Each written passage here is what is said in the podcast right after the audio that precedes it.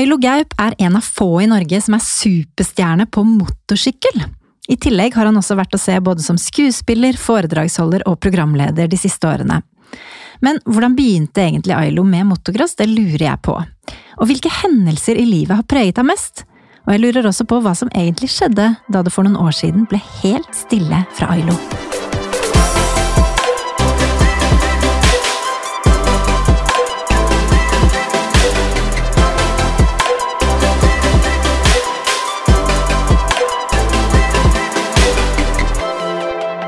Velkommen skal du være, Ailo. Ja, tusen takk. Hvordan har du det? Kjempebra. Ja? Hvordan har dagen vært foreløpig? Eh, stille og rolig. Den ene ungen min har uh, overtatt uh, en uh, Hva det heter igjen? Omgang, omgangssyke. En deilig omgangssyke, ja. Så vi har holdt på med det, vært opptatt med det en stund. Noen netter og dager. Det har roa seg litt nå, og det var deilig. Så det har blitt lite søvn? Ja, ja nei, faktisk. Jeg det sov litt lite før det her skjedde. Den natta det her begynte veldig, det var den natta jeg skulle ta igjen uh, søvn. Så det gjorde det. Men, så, men så får du litt adrenalin uh, av når det koker som verst. Og så det gikk, det gikk veldig fint, det. Hvordan adrenalin da? Jeg vet ikke om det er det. Det er vel kortisol. Du blir stressa av det. Eller jeg blir. Du får sånn høye skuldre? Ja, men øh, Jeg vet ikke, de ungene mine, de, det kommer jo ikke noe forvarsel. Plutselig så, så er vi i gang med oppkast og alt mulig. Prøve å bytte på seng. Øh, ja.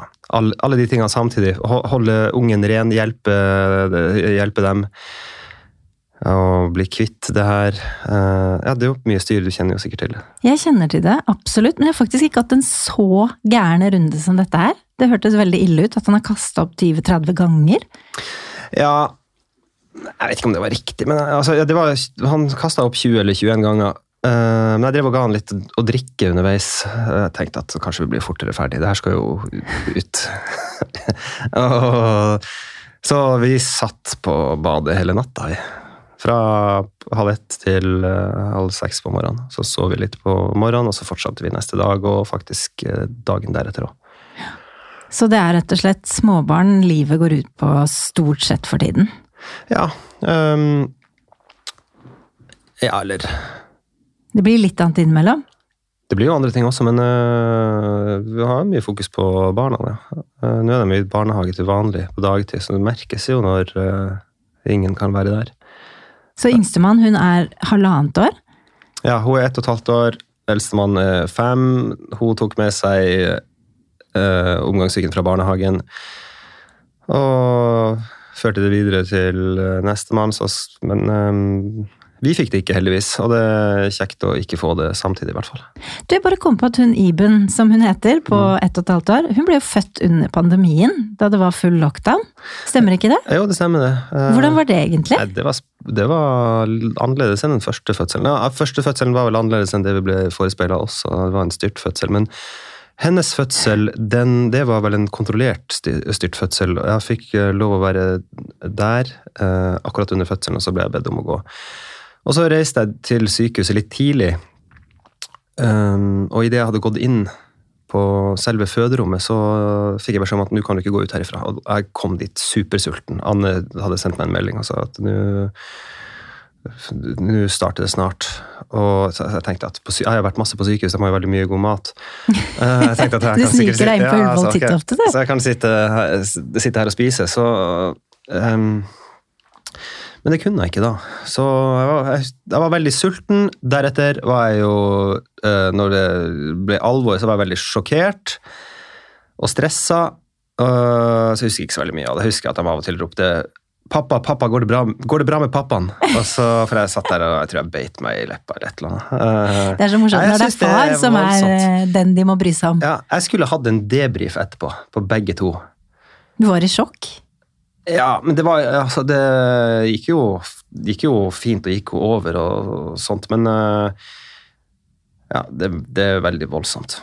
Ja, det er jo en stor opplevelse. Herlighet. Men hvordan merka dere det at det var lockdown, da?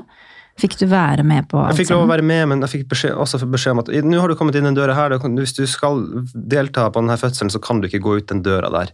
Eh, igjen, så tenkte jeg faen, jeg har jo ikke spist. Uh, men så visste jeg at det her er en kontrollert fødsel, så den blir satt i gang. Så jeg visste sånn cirka når den skulle settes i gang. Så jeg visste at det kom til å bli, hvor mange timer det kom til å være uten mat. Men så fikk jeg mat etter hvert. Um, jeg burde hatt fått valium også, det fikk jeg ikke. Eh, eh, så når den var over, så fikk jeg beskjed om å reise hjem, og det var også fjernt. Så, så på Ja, Så det var av de det som kanskje var det største, Ja, det den største forskjellen, kanskje, at du måtte hjem med en gang? Ja, egentlig. Og den første Jeg, syns jeg husker at vi var på noe sånn fødselsforberedende kurs, eller Nei, kanskje vi ikke var det. Vi hørte om det og droppa det. Men jeg hørte hva det gikk ut på av noen andre som nettopp hadde født. Og den eh, første fødselen var langt ifra eh, noe som helst av det vi hadde hørt fra før. Så jeg tror alt sammen er individuelt, og du reagerer litt eh, Folk reagerer også individuelt på det. Jeg husker at det, det henger veldig mye sånne fødselsbilder på noen av de her fødsels, eh, eller sykehusene. Fødeavdelingen. Gjør det det? Uh, ja, og eh, med bilder av fedre som griner og alt mulig. Også, Er det ting folk har sendt inn til sykehuset? Nei, det er vel, nei det, akkurat der var vel en, egentlig en egen kunstinstallasjon på Bærum sykehus. Men, men jeg grunnen til at jeg Det føles som jeg har sett det mange ganger, men det, jeg tror jeg har sett det på TV. eh, Ja. Både før og etter. Ja. Eh, og så har har jeg hørt noen intervjuer der folk sier at uh, altså, det, går ikke, det går ikke an å ikke grine under en fødsel. Enhver far gjør det. Jeg gråt ikke en dråpe. Og det var ikke fordi ikke jeg var uh, lykkelig og glad, men det, bare Det var ikke sånn jeg reagerte. Det skjønner jeg kjempegodt. Jeg, Jeg gråt heller ikke, og ikke faren til mine barn heller. Nei. Man var bare ganske konsentrert, Ja, ja, rett og slett. Det, man, er jo, man er jo, jeg var jo veldig redd for at noe skulle gå galt. Det er veldig heftig når man roper 'oksygen, oksygen'. Uh, går, det, altså, begynner, går det bra med far? Far, går det bra med far? Går det bra med mor? Uh, hent, uh, altså, hent et eller annet verktøy som er s, måler oksygen. Jeg vet jo hvorfor de gjør det. Alle mulige sånne ting. Det er ja, litt overveldende. Og så hadde hun født, fikk jeg beskjed om å sykle hjem, så sykla jeg hjem. Eh, Så fikk jeg, husker jeg at jeg fikk en melding av en kompis som spurte hva jeg gjorde. og sånt, Så sa han jeg er på vei akkurat vært på fødeavdelinga. Eh, På vei hjem nå. Og så syns, reagerte han også på at det her var At du måtte hjem? Nei, at jeg var så, at det var så, at jeg, jeg vet ikke. På at du var så jeg rolig? Ja, et eller annet sånt. Men det, det var veldig fjernt. Det var Den andre gangen da under eh, covid, det, eh, det var merkelig. Ja. Og jeg tror alle, alle foreldre eh, var litt sånn Hadde det i bakhodet at det var en liten stre ekstra stressfaktor i en sånn situasjon. Ja. Men det gikk heldigvis veldig bra, da. Ja, begge, to, begge fødslene gikk jo kjempefint. Du har jo mildt sagt vært mye skadet eh, de siste årene, og det skal vi snakke mye mer om senere i podkasten. Men hvordan går det med deg akkurat nå? Hvordan er kroppen nå? Kjempebra. Eh, eh, og det har den bestandig blitt. Jeg har vært skada veldig mange ganger. Jeg har gått på krykke sikkert i to og et halvt år, eller mer totalt uh, i livet mitt. Men uh, det har bestandig gått bra. Det har bare tatt litt tid. Um, og nå også. Kjempebra. Kjører du noe motocross for tiden? da? Nei, det gjør jeg ikke. Jeg, jeg, etter at jeg la opp i jeg la opp når jeg var 28 eller 29, jeg hadde ikke lyst til å være 30 år og drive med det, så så jeg at konkurrentene mine nå plutselig er 40 og driver på med det fortsatt, og har fremdeles karriere og sånt. Men det var en, en høy risiko, og jeg var egentlig litt letta over at, eh, at jeg hadde helsa i behold når jeg slutta. Og det var også en målsetting. Men eh, så da gikk det to år før jeg i det hele tatt kjørte en motorsykkel. Eh, Det, det føltes Det var veldig rart å gå over til det som hobby fra, fra å være profesjonell um, og uh, få betalt for å gjøre det. Selv om jeg gjorde det her, selv om det her var min aller største interesse eh, fra jeg var bitte liten, så, så er, det skjer en eller annen endring i det du begynner å få betalt. Um, og Hvordan da? Nei, jeg tror altså det, det blir en del av Det tar over Nok litt over uh, du, du får litt dopamin av aktiviteten hvis du er interessert og du har glede av den. Og så går det over til at du får betalt, og da blir kanskje det en faktor. Og når du er profesjonell, så blir det på en måte en faktor, det å prestere. da. Og i det så ligger det også eh, økonomiske fordeler osv. Så, videre, og så, videre. så blir det Jeg tror ikke det er mange som sier at eh, idrettsglede er det, best, er det viktigste osv. Men du, du, blir ikke best i en kommersiell idrett, internasjonal kommersiell idrett, kun av idrettsglede. Du må ha jævlig mye mer enn det. Mm. Uh, så de motivasjonsfaktorene også. Så presset det, det blir være, litt større, rett og slett? Ja, og det må være Altså, drivkrafta kommer fra mange forskjellige steder. Altså det, jeg tror det er så tidsavhengig også, situasjonsavhengig. Um, så, så derfor så tok det litt tid, kanskje to år, før jeg kjørte motorsykkel igjen. Jeg måtte venne meg til at nå får jeg ingenting for å gjøre det her. Uh, det høres sikkert sykt ut, men, um, men det var litt sånn. Men når jeg da begynte, så jo da, så var det også veldig annerledes. Da var det litt uh, sånn som det var før jeg ble proff. Sånn som det var når jeg var barn. Da var det, da var det igjen det artigste jeg visste, noe som jeg gleda meg veldig mye til. Og ikke at ikke jeg gjorde det når jeg var proff, men når jeg var proff, så hadde jeg litt større bekymringer også. Um, ikke bare prestasjonsting, men også helse. Uh, det å ja, ikke, prøve å ikke skade meg, overleve, ikke bli invalid. Og så er det prestasjonen i tillegg, da. Og mm. bare det å føle på at man Eller være stressa for prestasjoner, det var ikke jeg så veldig, men jeg kjenner jo mange som sliter så mye med det at de aldri klarer å gjøre det like bra i en konkurranse som de gjør i, eh, når, de, når, ingen står og ser på. Nei. Og det er jo en mye verre situasjon. Du har jo en kjempelang karriere. Du har så utrolig mange meritter. Og jeg har jo spalten Wikipedia i denne podkasten, der jeg leser fra gjestens Wikipedia-side. Og jeg måtte korte ned din bitte lite grann, men eh, jeg er klar for en gjennomgang. Er du? ja, få høre, da. Ailo Mikkelsen Gaup, født 22.1.1979 i Tromsø, er en norsk og samisk tidligere profesjonell FMX-utøver. Gaup er født i Tromsø og vokste opp på det lille tettstedet Masi i Kautokeino kommune, og etter hvert i Alta. Han har vunnet alle norgesmesterskap i grenen FMX, og vant NM i motocross speedcross i 2004. Han var en av de første i verden til å utføre en baklengs salto med motorsykkel i 2003, og den første europeiske føreren som utførte en backflip. I 2004 oppfant Gaup trikset underflip, et av de vanskeligste triksene i FMX. Han har vunnet samtlige norske mesterskap som har vært arrangert i FMX, og han vant World Cup i 2003 og 2004 samt verdensmesterskapet i FMX i 2004 og 2007. Han er en av to nordmenn som har konkurrert i freestyle motocross i X Games USA. Ailo har også vært kåret til Årets nordlending og Årets nordnorske idrettsnavn. Han har vunnet åpen klasse på Idrettsgallaen, i tillegg til en rekke Nå var det så mye at jeg fikk noe i halsen her. I tillegg til en rekke andre utmerkelser. Og dette var bare noe av det, Ailo. Det er ganske Dette her er komprimert. Ja, det... Hva tenker du når du hører karrieren din oppsummert på den måten?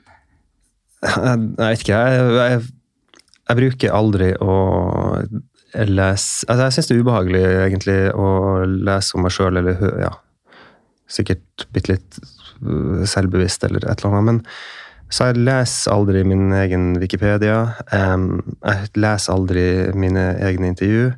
Gjør du ikke det? Nei, og jeg hører ikke på dem. Jeg ser ikke på opptak som jeg har vært på. Um, hvis du mot formodning gjør det, da, hva ja. skjer med deg da? Jeg tror jeg, jeg bare syns at det er litt ubehagelig. Um, med TV-programmer også. Jeg ser aldri på det. Jeg burde, men jeg, jeg, burde egentlig gjøre det motsatte. Jeg burde se nøye på det. Altså på ting som jeg skal gjenta. da. Mm. Når jeg var aktiv, så gjorde jeg det hele tida. Da studerte jeg meg sjøl konstant. Eh, men på, altså teknisk da, på, på, motorsykkel. Og det burde jeg gjøre hvis eh, Men jeg syns det her er på en måte på et annet plan, og derfor skjer det ikke. Men eh, hvordan jeg syns det um, jeg, jeg et, det er veldig sjelden jeg tenker på den karrieren min. Det var noe jeg gjorde uh, tidligere, og av og til så blir jeg nesten litt forundra over at jeg har drevet med det. Ungene mine skal i hvert fall ikke gjøre det. Nei, er du sikker på det? Ja, de, altså, de får, får, i hvert fall ikke noe input av meg. Jeg hadde drev og reparerte et gammelt hus, uh, og da ga jeg en min Da var sønnen min vel tre, to og et halvt, tre. Uh, han var to år, tror jeg. Akkurat hadde, han hadde akkurat lært seg å sykle, og da så visste jeg at han hadde, vi hadde en sånn minimotorsykkel i garasjen. Jeg ga den bort til en snekker, sånn at han aldri skulle se den. For da hadde jeg nettopp henta den og andre ting fra et lager. Uh, og det var for at ikke det skulle være det skulle ikke være en input, for jeg fikk inputen på den måten at jeg så at det fant, eksisterte for små barn. Så, så tenker jeg at han, eller mine barn, uh, kan, kommer helt sikkert til å klare å finne noe som de interesserer seg for. Her er det, uh, Vi bor i Oslo. Det er veldig mye å velge i. Det var det ikke når jeg var liten. Men allikevel, så etter hva jeg har hørt, av Ailo, så var du veldig bestemt på den idretten ganske tidlig. Og det kan vi høre litt mer om. Så hvis det skjer med din sønn eller datter, så hvis de følger i dine fotspor, så har du ikke så mye du skal ha sagt, i hvert fall. Men vi kan skru tiden litt tilbake til 1979 eh, i Tromsø, da. For der blir du født på Tromsø sykehus. Ja. Mm. Uh, det ble jeg. Og uh, foreldrene mine studerte eller Mora mi jobba på Tromsø museum som er arkeologiske utgravninger, og, og, faren min studerte der. Um, så det var vel derfor jeg ble født der. Altså, jeg, jeg, vi har flytta litt rundt, også senere, litt senere i barndommen min, når, uh, også i forbindelse med jobb og studier og sånt for foreldrene mine sin del.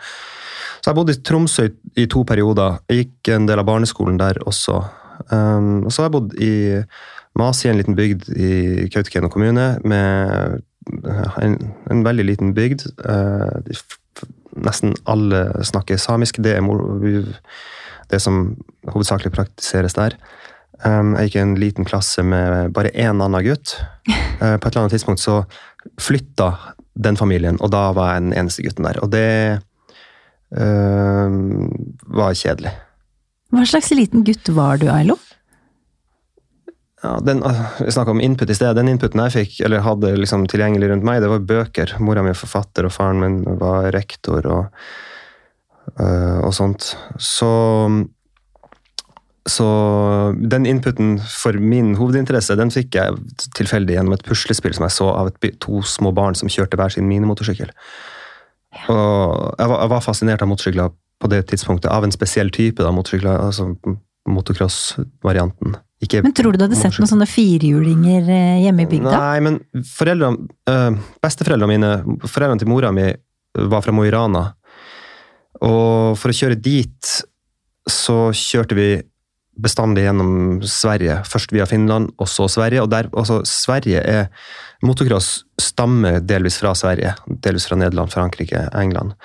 Um, så, og I Sverige var det en helt annen kultur for det. Det puslespillet stamma også fra Sverige, ja. uh, som jeg så når jeg var liten. Um, og, så der satt jeg bare og så ut gjennom bilen, og det fikk tida til å gå, for det er 100 mil å kjøre. Det er akkurat samme, samme avstand som fra Oslo og bort dit. Så var vi der hele Siden faren min var rektor, så kunne vi være, og mora mi ikke hadde en uh, sånn type jobb at hun måtte være på et bestemt sted.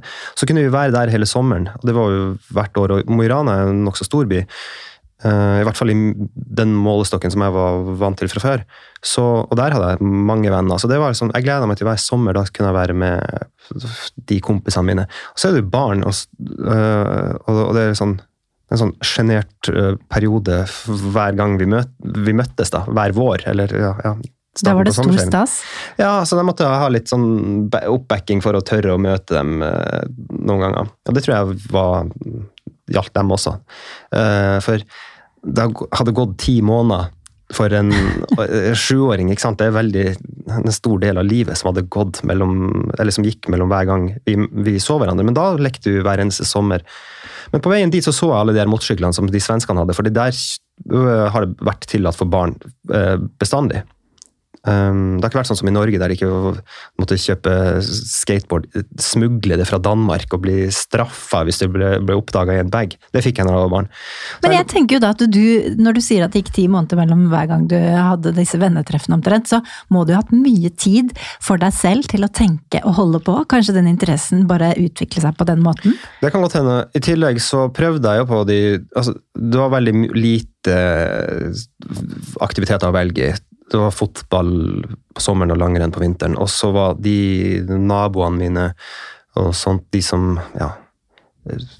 Mine nærmeste var samme, Jeg var den eneste gutten i min klasse, men de var enten yngre eller eldre. De var veldig gode i langrenn, de var også veldig gode i fotball. Deres foreldre var også veldig ivrige og interessert i de tingene.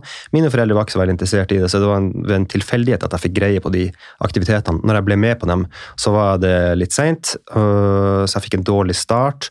Jeg var veldig atletisk, så jeg kunne jeg nok ha likt det hvis jeg hadde begynt uh, litt tidligere. Men, mm. Så da fikk jeg dårlige opplevelser med det, samtidig som jeg var interessert i én ting. Så fikk jeg litt ekstra triggere på det med det der puslespillet. Hver gang vi kjørte til Mo i Rana for å, til besteforeldrene mine, så passerte vi masse steder med de, med, der jeg kunne se minimotorsykler og alt mulig. Jeg kunne av og til se sånn baner og osv. Så, videre. så leste jeg, stoppa på bensinstasjoner og leste motorsykkelblader.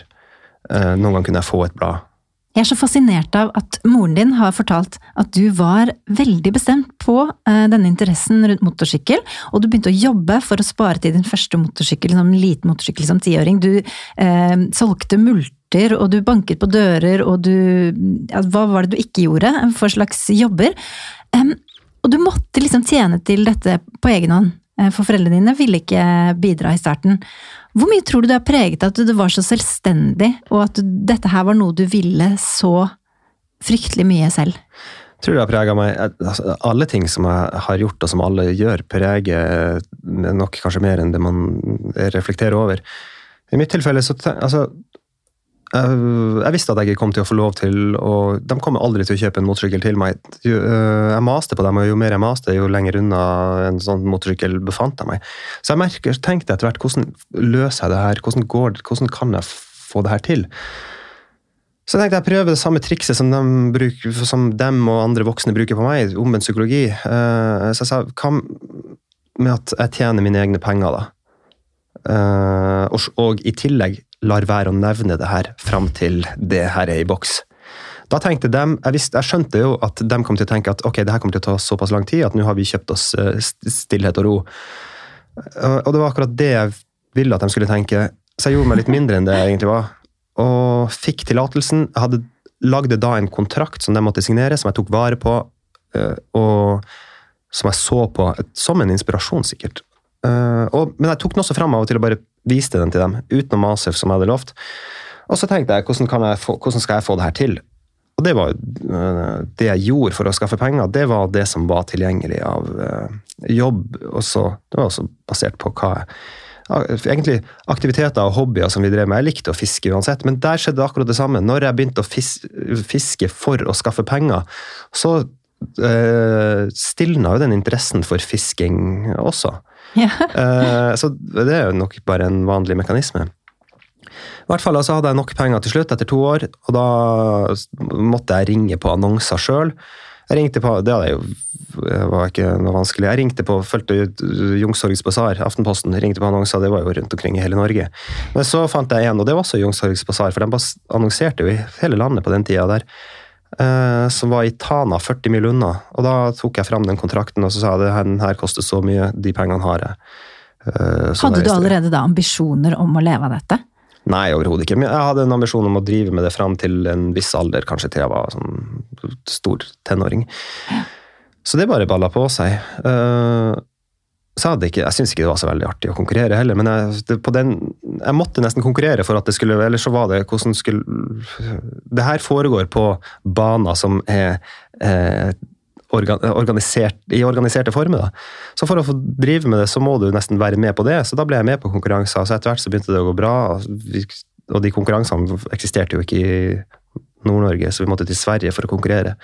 Så det gjorde vi jo nesten hver helg, men de sesongene var veldig kort. Men da ble foreldrene dine med, regner med? De var med. Uh, de lot deg ikke dra dit alene? Nei, nei, nei. Så de var med. De rigga det her til og alt mulig. Um, de begynte vel å skjønne at dette her er alvor? Ja, ja, Eller nei, dette liker men, gutten vår godt å drive med, i hvert fall. Ja, og så og, og, jeg fikk nok litt nytte av å være dårlig i, fotball og langrenn. For at uh, jeg tror nok at det var Det som var viktig for dem, regner jeg med, var at eh, jeg skulle ha noe å drive med. Jeg drev på med ting, men stort sett bare for meg sjøl. Eh, så Og nå ble det annerledes. Og det, så jeg tror det var deres motivasjon for å gidde det her, for de var jo overhodet ikke interessert, og det tror jeg kanskje de aldri har vært. Etter hvert så flytter du jo til Oslo alene, da er du 16 år, begynner på toppidrettsgymnaset. Og så starter du liksom for alvor å konkurrere i dette her. Du gikk, begynte først med motocross, og så etter hvert var det freestyle. Eh, men hvor kom den ekstreme drivkraften fra, tror du? Som du hele tiden har hatt? Jeg tror den kom delvis fra at jeg aldri fikk lov til det her.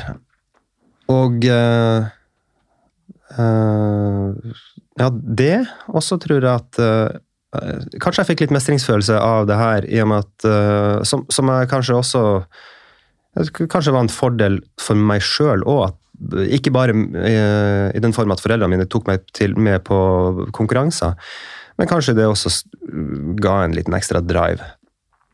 At jeg hadde en ting som en ting som jeg beherska ganske bra. Og så hadde jeg, i og med at vi hadde flytta veldig mye rundt Du spurte om det der med hvordan eh, innvirkning ting har hatt i oppveksten. Mm. Da tror jeg tilbake til det. Jeg tror at det, en, det at vi hadde flytta rundt, det hadde en innvirkning på meg. Det brukte jeg som en slags uh, motivasjon til å tørre å flytte til Bærum. Det, det her var uh, det er lenge siden. En annen motivasjon jeg brukte for å tørre det, det var at faren min hadde flytta, som hadde vært voksen siden han var 13 år, han hadde flytta til uh, Oslo for å studere. Det var hans målsetting. Ja. Vel, I veldig ung alder. Og han bodde da uh, på jeg vet ikke om det var Mortensrud eller Simensbråten eller et eller annet sånt. Og, fordi det var der han hadde råd til å bo for å, å ja, få gjort det han drømte om, da, få seg en utdannelse. Så jeg tenkte når han har fått det til Når jeg er en tenåring, så tror jeg at faren min har levd i steinalderen. Ja. Og jeg tenkte, Når han har fått det til på den tida der, så må jo jeg klare det. Jeg kan jo, nu, nu kan jeg, jeg, kan jo ringe dem hele tida. Det kunne ikke faren min. Han kunne ikke ringe til foreldrene sine. De så hverandre når de så hverandre. Uh, så jeg bare tenkte på den type ting hvis, når jeg trengte det. Og så da torde jeg å flytte. Og det var jo selvfølgelig skummelt. Jeg skjønte jo ikke østlandsk engang. Jeg hadde bare sett det på TV. Så bare, altså Tonefallet gjorde at undervisninga på skolen den første, kanskje den første uka var veldig vanskelig, for jeg måtte venne meg til hva i faen er det de sier. uh, for uh, du, de har trykket på et helt annet sted ikke? På, på ord og sånt. Og så ble jeg kjent med folk, og plutselig så var jeg, var jeg superglad for at jeg hadde tort. Og så har du etter hvert fått en fantastisk karriere, som vi jo har hørt om gjennom Wikipedia, som jeg leste opp i stad. Eh, men gjennom denne fantastiske karrieren så har du jo hatt et helt vilt skadeomfang. Du har skadet deg så utrolig mange ganger, og noen ganger ganske alvorlig. Eh, hva har vært den verste skaden du har hatt? Jeg hadde mange skader. Jeg starta veldig tidlig. Jeg startet, egentlig, Idet jeg fikk lov til å begynne å kjøre, så begynte jeg med å skade meg. Brakk beina, ødela korsbånd, leddbånd, brakk kneskåla. Um, fikk styr i magen, fikk indre blødninger, punkterte uh, nyra og skada milten. Da hadde jeg tatt motorsykkelen uten lov, foreldrene mine var, ikke hjemme, så hadde jeg en passasjer, en kompis, bakpå. Og så tryna jeg og fikk styre i magen, og han, en 15 år og sikkert 50 kilo tung, gutt i ryggen samtidig, akkurat idet traff, magen traff styret. Så det gikk eh, det gjorde veldig vondt. Jeg tenkte at jeg hadde slått ut pusten. Den kom aldri tilbake. I tillegg så gikk jeg tom for bensin, og så måtte jeg få den motorsykkelen hjem. for jeg var så redd for det. Altså, selv om jeg fikk lov til det her motorsykkelkjøring, og sånt, så var det kun i kontrollerte former. Jeg fikk ikke lov til å være bajas på veien. Jeg måtte få den motorsykkelen hjem, og det var, for å klare det så måtte jeg dytte den opp en bratt bakke. Når jeg til slutt kom hjem, så ble jeg enda dårligere, men jeg torde fortsatt ikke å ringe til foreldrene mine, så jeg lå der lenge.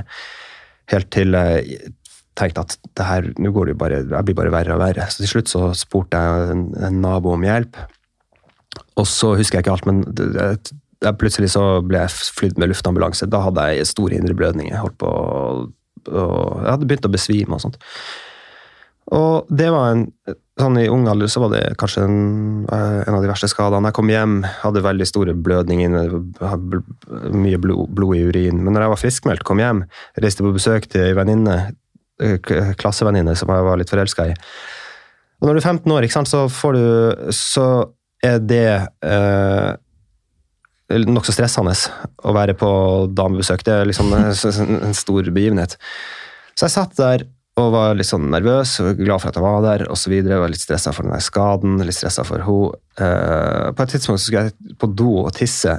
Uh, Og som en uh, kåt 15-åring så måtte jeg først få senka skulderen, for så å få senka en ereksjon, og så prøve å, å late vannet. Og da fossa det ut rent blod. Så holdt jeg på å besvime inne på badet der. Måtte jeg late som ingenting. Gå til henne og si at jeg må stikke hjem. Og da var det på den tida, jeg var 15 år, jeg syntes det var flaut å gå på do. ikke sant? Så det var en sånn heftig ting. Men jeg jeg hadde større skader, egentlig. Eh, jeg har eh, punktert lunge, fått en fothviler inn i brystkassa. Så eh, det tok en uke å lage vakuum for å få sugd lunga ut til sin størrelse igjen. Også lang opptrening og sånn. Men det å få arr på lungen er jo også en sånn Det preger jo også seinere. Kanskje ikke ennå, men etter hvert. Det stikker litt av og til. Det er jo en risikosport, det å drive med motorsykkel. Og det hører vi jo absolutt beviset på her. Og i tillegg, så opp gjennom årene når du har konkurrert, så har du jo faktisk sett kamerater og kolleger av deg i motocross eh, dø. Mm. Hvor mye har du opplevd det? At folk har falt fra? Ja, en del. På den tida, den tida som jeg kjørte, var kanskje den beste tida å drive med, med det jeg drev med. Um, det var før finanskrisa. Um, det var ganske mye penger i energidrikker i industrien generelt sett, både motorsykkelindustrien og, og de eh, som er, kommer inn litt fra sida, som er, eh, kan være mote, energidrikk og ja, til alt mulig. Mat, til og med. Så Og, det, og ehm, så hadde noen akkurat begynt å ta i bruk sånne eh, turnredskaper som skumgummibasseng. Det var det veldig få som hadde råd til, for det kosta kanskje 300 000 for et sånt type basseng. Så må du ha en heisekran som løfter motorsykkelen ut, og det er ikke ufarlig å trene opp der heller, men det gjorde at sporten plutselig eh, utvikla seg mye fortere enn før. Og det førte også til at veldig mange skada seg. Så jeg hadde tre teamkompiser som døde. og på en sånn arena så kjører du gjerne én og én, men på oppvarminga når du får teste arenaen før en konkurranse, så er det kanskje to og tre som tester den samtidig. Så det hendte at noen skada seg min, i min gruppe, da. Og når de blir slått i svime, så snur hodet seg. All muskulatur er veldig av, avslappa. Altså, de kan ligge med hodet nesten snudd bakover. Besvimt, og det kommer rare lyder ut av sånne altså, lyder du ikke hører mennesker lage. Og så skal, kjøre, så skal, du undersøke det, få kontroll på den situasjonen. Um, prøve å hjelpe til og sikre at, uh, at dem som kommer inn, helsepersonell og sånt, kommer seg til, og at situasjonen er, er trygg. Og så skal du prøve å prestere sjøl samtidig, så det er jo stressende. Ja, Hva gjør det med deg? Hvordan, hvordan, motiverer du deg til å fortsette etter å ha sett noe sånt noe? Ja, det kan være litt vanskelig. Det er jo den største nervøsiteten i forhold til konkurranser for meg var ikke om jeg kom til å Tror jeg ikke var prestasjonsbetinga, men mer eh, om faren. Og da Den var jeg egentlig ferdig med før konkurransen starta. For det, det Jeg syns det funker ganske bra.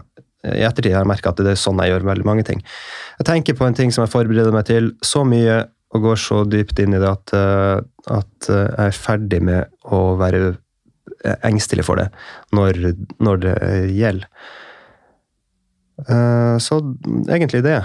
Og så viker jeg ikke, brukte jeg ikke å vike fra det. At noen andre skader seg, betyr ikke at jeg kommer til å skade meg. Og at noen dør, betyr ikke at jeg skal gjøre det.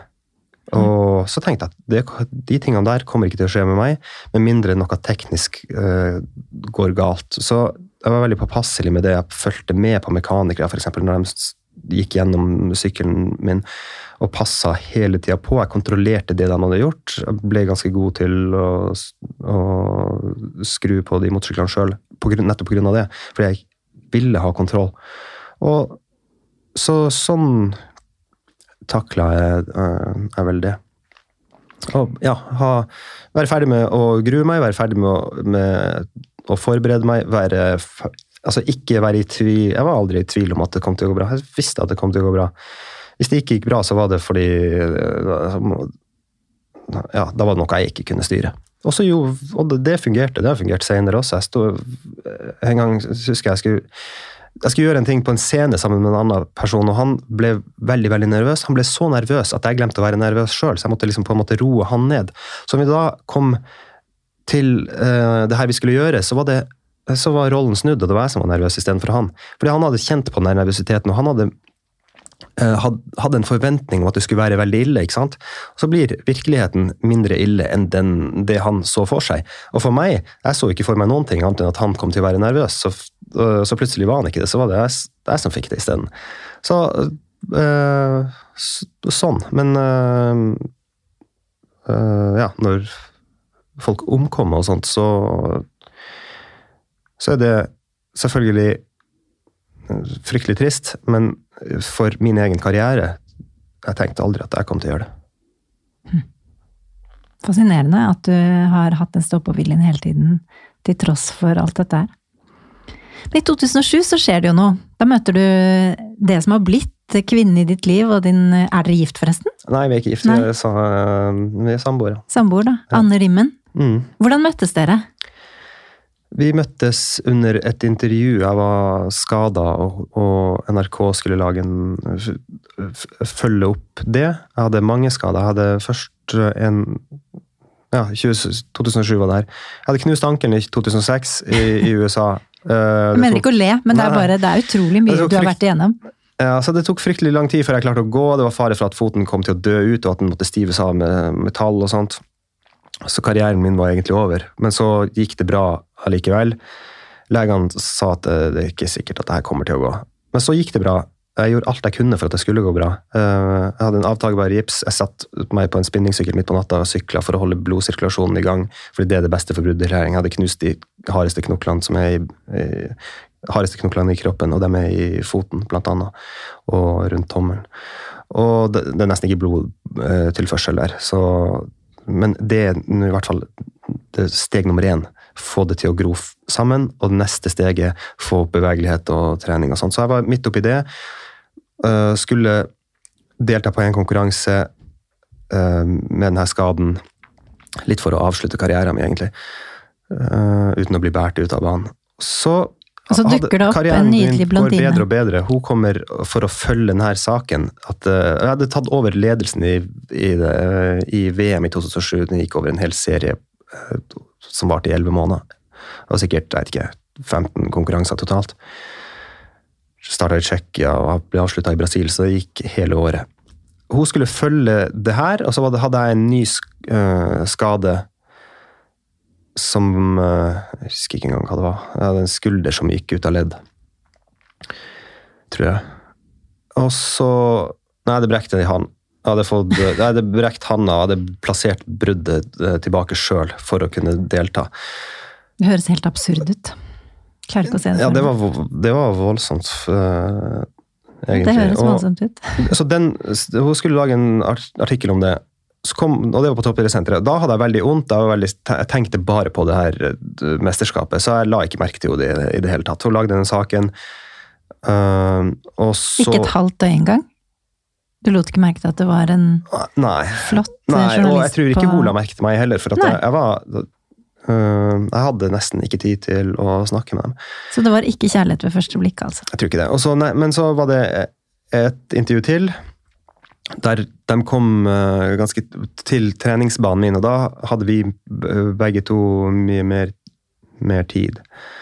Og Så da ble vi stående og snakke ganske lenge. Så, ja, så lenge at jeg nesten ble litt kjent med henne. Og så hadde jeg kjøpt meg en iPhone i USA. De hadde akkurat blitt lansert. Så fikk jeg den hacka sånn at den fungerte i Norge. Og det var første gangen kunne, at SMS-er ble lagt oppå hverandre som en chat. ikke sant? Før hadde du plass til tolv meldinger, så måtte du slette de dårligste av dem. Mm. Og så uh, hadde jeg fått et, en melding en gang, og et halvt år seinere, etter at vi på en tilfeld, ja, ja, møttes tilfeldig på et arrangement uh, og, og utveksla telefonnummer. Og jeg fikk en melding fra henne. Så så jeg at jeg har faktisk tatt kontakt før. Du hadde ikke svart? Nei. Hadde hun gått lenge og vært veldig Et halvt år. Og gått og bare 'Å nei, han svarer ikke, og han er overlegen, han er ikke interessert'? Hadde hun tenkt mye på det? Uh, nei, det vet jeg ikke. Jeg har ikke spurt. Nei. Men eh, ja, så det var det. Så, da, da, så der, det gikk jo litt tid. Fra første gang vi møttes eh, til vi eh, møttes eh, på privat basis. Det gikk det sikkert et år. Ja. Og så nå har dere to barn. En på fem og en på ett og et halvt. Ja, Sånn er det. Sånn er livet. Det er fint. ja sånn er livet. Ja, Men eh, vi fint. så jo mer til deg for noen år siden. Du var annet programleder for Norges tøffeste, og du var litt skuespiller, og du holdt mye foredrag. Men så ble det brått litt stille fra deg. For noen år siden, det var vel i 2018, 2017-2018. Hva var det som skjedde da? Ja, jeg drev med uh, mange forskjellige ting. Uh, mye foredrag. Ja, litt skuespill. Det var sånne ting som jeg ble spurt om, og jeg takka aldri nei. Jeg ble spurt om flere fil filmer enn det jeg har spilt i, men jeg ble i hvert fall spurt om å prøvespille. Og noen ganger så fikk jeg roller også. Uh, Så jeg ta, bare ble med når jeg ble spurt. Og så Det er det samme med foredrag, egentlig. Um, programleder også. Først tenkte jeg at det, det der eh, det får nok ikke jeg til. Men så tenkte jeg ja, ja, de spør jo meg, det er en grunn til det, så da, da er risikoen på dem. Jeg blir med. Så gjorde jeg det. Men så altså jeg lagde, og så hadde jeg produsert jeg klær, så jeg holdt på med mange forskjellige ting. Så skada jeg meg. Skada nakken og mista svelgefunksjonen. Mista styrken i den ene armen. Og ikke den dominante armen, men så, så gikk for så vidt greit. Men jeg, kunne, jeg var veldig handikappa, jeg kunne ikke gjøre ting. Så da tenkte jeg nå opererer jeg albuen, som har vært utsatt litt. For nå er jeg pasient uansett. Så jeg opererte albuen, og nakken ble ikke bedre. Så tenkte jeg da, ok, da rekker vi å operere kneet også, innen nakken har bedra seg. Så booka jeg en time hos min foretrukne kirurg for det, og kom til, til operasjonstimen min. Eh, Men jeg klarte ikke å gå på krykke, for det var en test. Det visste jeg at jeg måtte kunne, men jeg lata som jeg klarte det for at jeg hadde lyst til å spare tid. Så klarte jeg det ikke, så fikk jeg ikke den operasjonen. Så spurte jeg ok, kan vi ut, bare utsette det bitte litt. Kan jeg ta den neste timen du har ledig? Så han ja, eller via eh, Ullevål sykehus, da. Så fikk jeg den neste timen, og deretter skulle han til USA. Innen knekirurgi så er det to senter i verden, det ene, og det ene er i Ullevål. Eller på Ullevål, og det andre er Vail, Colorado. Og dit skulle han nå, etter å ha vært hos den ene eh, eks-guruen innen knekirurgi, Lars Ingebretsen, så skulle han til den andre, som er som heter Robert Laprade. Jeg hadde så lyst til at han skulle operere den her, så jeg prøvde igjen. Og lata som jeg klarte å gå på krykken. Denne gangen klarte jeg late som jeg klarte å gå på krykke. Fikk den operasjonen. Den var, ble, viste seg å bli litt større enn antatt. Senere fikk jeg en infeksjon. Eh, så jeg ble sengeliggende Eller jeg ble innlagt på sykehus med en, ja, en skummel infeksjon. Og alt dette foregår mens da sønnen deres, Ebbe, er rundt to år. Så det er ganske vanskelig for deg å være en, eh, en delaktig pappa, egentlig. Ja, når, vi, når, jeg, det- når det her starta med den her nakkeskaden, så begynte jeg å sove på sofaen, for ellers så ville jeg holde eh, både han og Anne våken. Og det eh, Så det kunne vi ikke over, over lang tid. Så jeg lå på sofaen, og så tok jeg en albueoperasjon, og da lå jeg der fremdeles.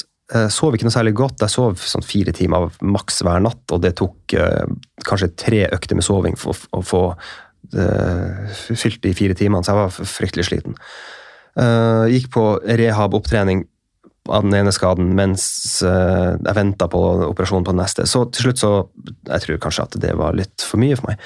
Så uh, fikk jeg infeksjon, ble innlagt på Ullevål, fikk beskjed om at det var alvorlig. Jeg lå på rom med en fyr som uh, fikk beskjed Husker jeg lå der han, hadde, han var kobla til akkurat de samme apparatene som meg. Vi hadde åpne kjøttsår begge to. Og han fikk beskjed om at du, det, ikke, det, ikke, det kan hende at vi må fjerne foten din. Og, og så tenkte jeg fy faen, vi ligger her akkurat med de samme tingene. Vi ligger her med de samme apparatene. Vi har ligget her like, og han har ligget her litt lenger enn meg. Og så var det, det var midt i sommerferien i 2018. Sønnen min skulle til å fylle to år, og det var nesten ikke noen leger der. eller De har sommerferie, så de har sånn en dag hver og er innom. Altså, det er jo ikke alle de her som er sånn superflinke menneskekjennere og kommunikatører. så de, Noen kunne komme inn og si det her ser ikke bra ut, og så kunne de gå igjen. Og så, Spesielt i begynnelsen så spurte jeg hva, hva, tror, hva tenker du, hva tror du, og bla, bla, bla. Prøvde, da leste jeg jo eh, kroppsspråk absolutt alt for å prøve å liksom, se hva de egentlig mente. Uh, men de her hadde ikke noe problemer med å si akkurat hva de tenkte. For det var, uh, altså, de uh, modererte seg ikke i det hele tatt. Det var sånn at De kunne se på meg med et sånt sørgmodig blikk og si ja, det her kan gå dårlig. og da gidder jeg ikke engang spørre hva det betydde, for det hadde jeg på en måte sett på han sidekameraten der. Og, som var 90. Og så ringte det, ringte uh, Barnebarna hans ringte fra Frankrike. Det var i, i uh, Antibes eller et eller annet sånt. For Der var han lokalkjent. Altså, han hadde akkurat fått den beskjeden. Barnebarnet ringte og sa ja, du, kanskje, du kan jo prøve å gå den turen der, opp den knausen der, og bla, bla, bla. Der du, har du veldig fin utsikt og sånt. Da tenkte jeg faen, for en beinhard type. Orka ikke å nevne det engang. Han ville ikke ødelegge ferien til de barnebarna. tenkte jeg, Så beinhard skal jeg også være. og så ja, så lå jeg der, det var veldig varmt, ble operert mange ganger. På et tidspunkt så ble jeg til og med operert og måtte opereres i min egen seng, fordi alle de her operasjonssengene var opptatt. Og ikke nok med det, plutselig så sier den her altså Den ene operatøren må slutte fordi den må gå til en annen pasient. Så kommer nestemann inn for å ta over. Den må også uh, backe ut, og det kommer noe mer alvorlig. Noen holder på å dø. Det var ulykker hele tida. Det var grisevarmt i 2018. Det var uh, skogbranner i hele Norge. Og alle var ute døgnet rundt. Alle drakk mer alkohol uh, sikkert enn fikk jeg fortalt der borte, enn vanlig. Dermed var det veldig mye ulykker. Luftambulansen fløy døgnet rundt. For du bor rett ved Ullevål sykehus, ja, og du hørte luftambulansen ja, mens du lå på sofaen der? Så jeg jo, lå jo rett ved siden av. Jeg bodde bare på Ullevål sykehus den sommeren, ja. og så eh, kom uh, så plutselig da så lå jeg der alene, og jeg veksla mellom å ligge i min egen antibiotikadam og, og, og, og, en pøl med blod. Og nå plutselig så lå jeg der, og denne operasjonen skulle jeg gjøre våken. Uh, så lå jeg plutselig med åpne sår, kjøttsår, masse apparater kobla til, og en lege som stakk. Uh, og det var også veldig voldsomt. Men så hadde jeg en lege som var altså han, Den beste er også veldig flink med, med folk. Uh, så han kom innom av og til fra sin ferie, og bare, jeg tror egentlig bare for å berolige meg litt. Det var stressende. Men nå er du oppe og går igjen. Det har heldigvis gått veldig bra, og du har kommet deg gjennom det jeg vil kalle en skikkelig smell, rett og slett. For det var vel det det var? Ja, det var, en, ja, det, var det virkelig. Jeg var dårlig så lenge at, at uh, han, sønnen min ble uh, uh, eh, syntes det var Jeg ble nesten en sånn fjern figur for han. Fordi jeg klarte, jeg klarte ikke å leke, jeg klarte nesten ikke å prate over veldig lang tid. Det var veldig dårlig.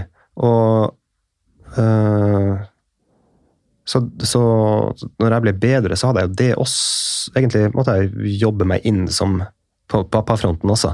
Han hadde nesten Jeg vet ikke om han hadde glemt meg, men ja, han fylte to mens jeg lå der. Uh, så det var voldsomt, det. Men nå, Ailo, som du har vært igjennom dette, og så en pandemi, begynner du nå å se lysere på ting og er klar for å være ja. tilbake i gamet? Ja, men jeg har sett lyst på det hele tida.